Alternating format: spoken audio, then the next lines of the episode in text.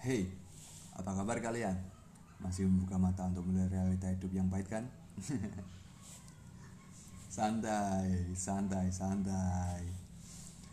Yuk dengerin agar hidup lo tambah pahit. ya, mulai. Pernah gak sih kalian berada di titik terendah hidup kalian? Ada yang pernah, dia enggak kan? Untuk kalian yang gak pernah berada di fase ini Gue acumin jempolnya kaknya Geraldine deh.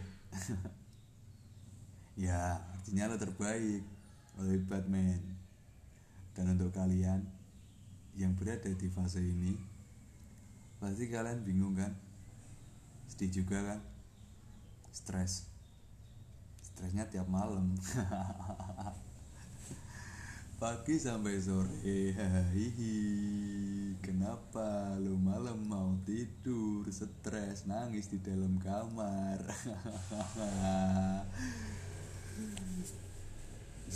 Lanjut. Gimana sih untuk tetap tegar menghadapi realita yang harus dijalani sampai saat ini? Ya walaupun kenyataannya pahit seperti kopi nggak bagi gula untuk cara terbaiknya sih kalian akan curhat ke orang terdekat kalian. Tapi ada orang di luar sana yang takut untuk curhat ke orang lain dan memilih untuk memendam masalahnya sendiri. Orang-orang ini biasa disebut dengan introvert atau ya bahasa santuinya sih kalau di tongkrongan-tongkrongan gitu nolak. Hmm. Ya pasti berat ya banget usahakan untuk melewatinya. Salah. Makanya dengerin bukan podcast ini. Anjing gue ngomongnya ngomongnya pelewatan banget. Lanjut. Habis gelap terbitlah terang. Yap. Buku karya era Kartini yang memiliki arti sebuah perjuangan kaum hawa dalam melalui masa kelamnya agar tidak tertindas oleh perspektif gender yang membuat mereka berada di titik terendah dalam hidup mereka. Namun, melalui buku ini, era Kartini dapat mengangkat derajat mereka semua. Penderitaan yang kita rasakan pada saat ini, men, pasti akan menemukan titik terang dan akan merubah hidup kita jadi lebih baik lagi. Ya, lebih baik dari sebelumnya. Seperti buku karya era Kartini ini sih. Habis gelap terbitlah terang dari dari judulnya aja sudah ngena banget gitu kan. Dan apakah orang-orang yang mempunyai problem ini pantas untuk hidup? Atau pantas kau untuk menjalani hidup? Ya ya jawabannya adalah lo pantas banget buat hidup. Masih ada kesempatan jika lo mau berubah mau membenahi diri lo sendiri. Jangan pasrah dengan keadaan yang sedang lo alami sekarang tapi lo harus lebih giat dan semangat dalam menjalani hidup lo pastinya. Gak deh bang. Lo akan ngurung diri di kamar aja. Gue nggak mau ketemu siapa pun dan percuma juga kan?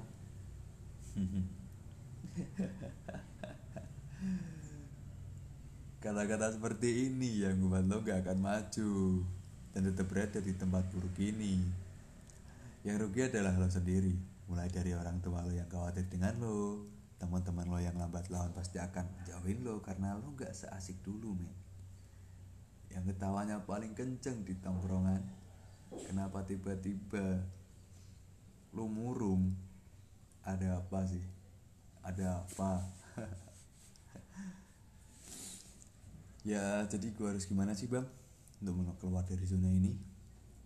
Jawabannya ya lo harus meluangkan banyak waktu untuk berbahagia gimana sih bang kan gue nggak bisa bahagia kalau gue berada di zona ini. Bentar bentar. Jadi gini jika tempat bahagia lo yang dulu telah membuat lo lara dan sakit lebih baik lo cari tempat baru.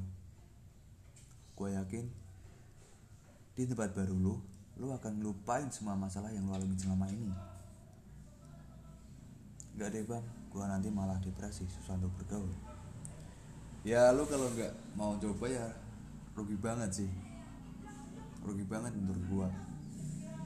Meskipun hasilnya baik atau buruk kan yang nentuin lo sendiri.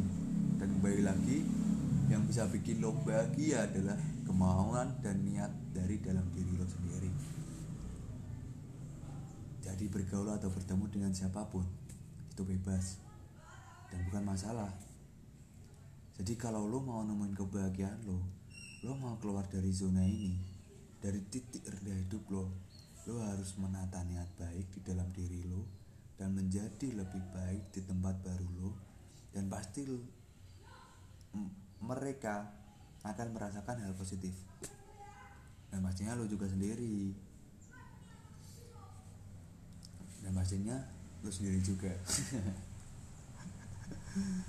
Oh kembali kembali percaya gua deh. Mana mungkin sih gua bohong? Ya kalau lo mau uh, ya mau membuktikannya sendiri dengan kata-kata gue ya silahkan kalau lo mau nyari cara sendiri atau punya referensi lain jadi ya nggak apa-apa.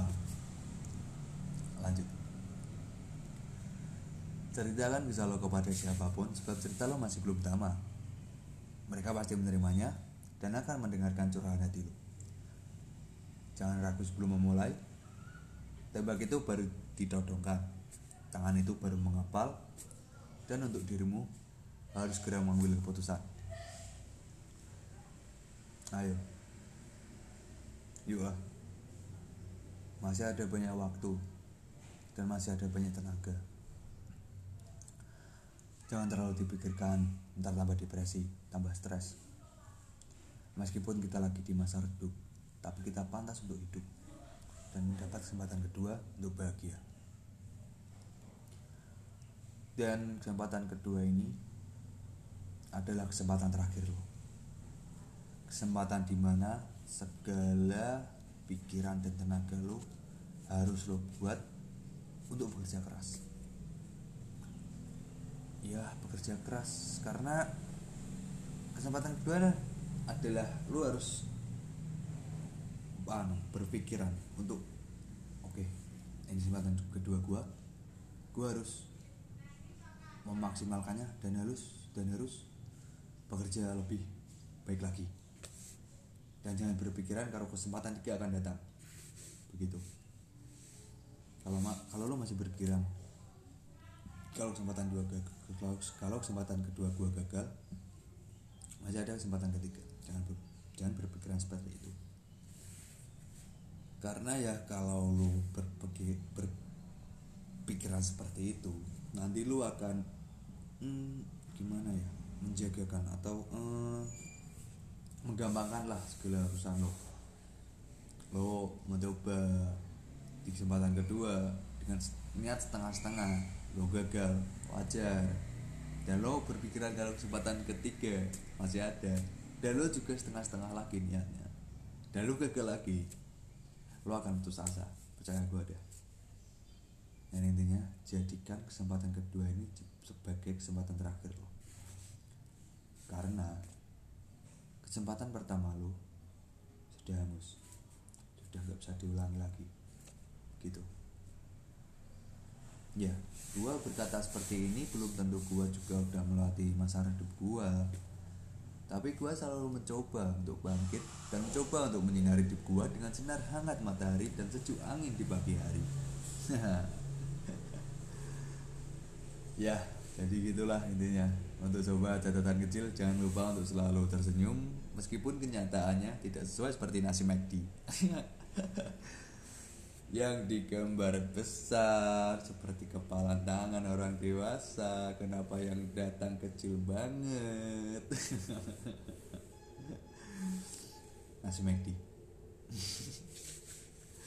sekian terima kasih gua pamit undur diri ini masih catatan kecil dari gua Wahyu Dwi Frianza. Sampai jumpa di episode selanjutnya.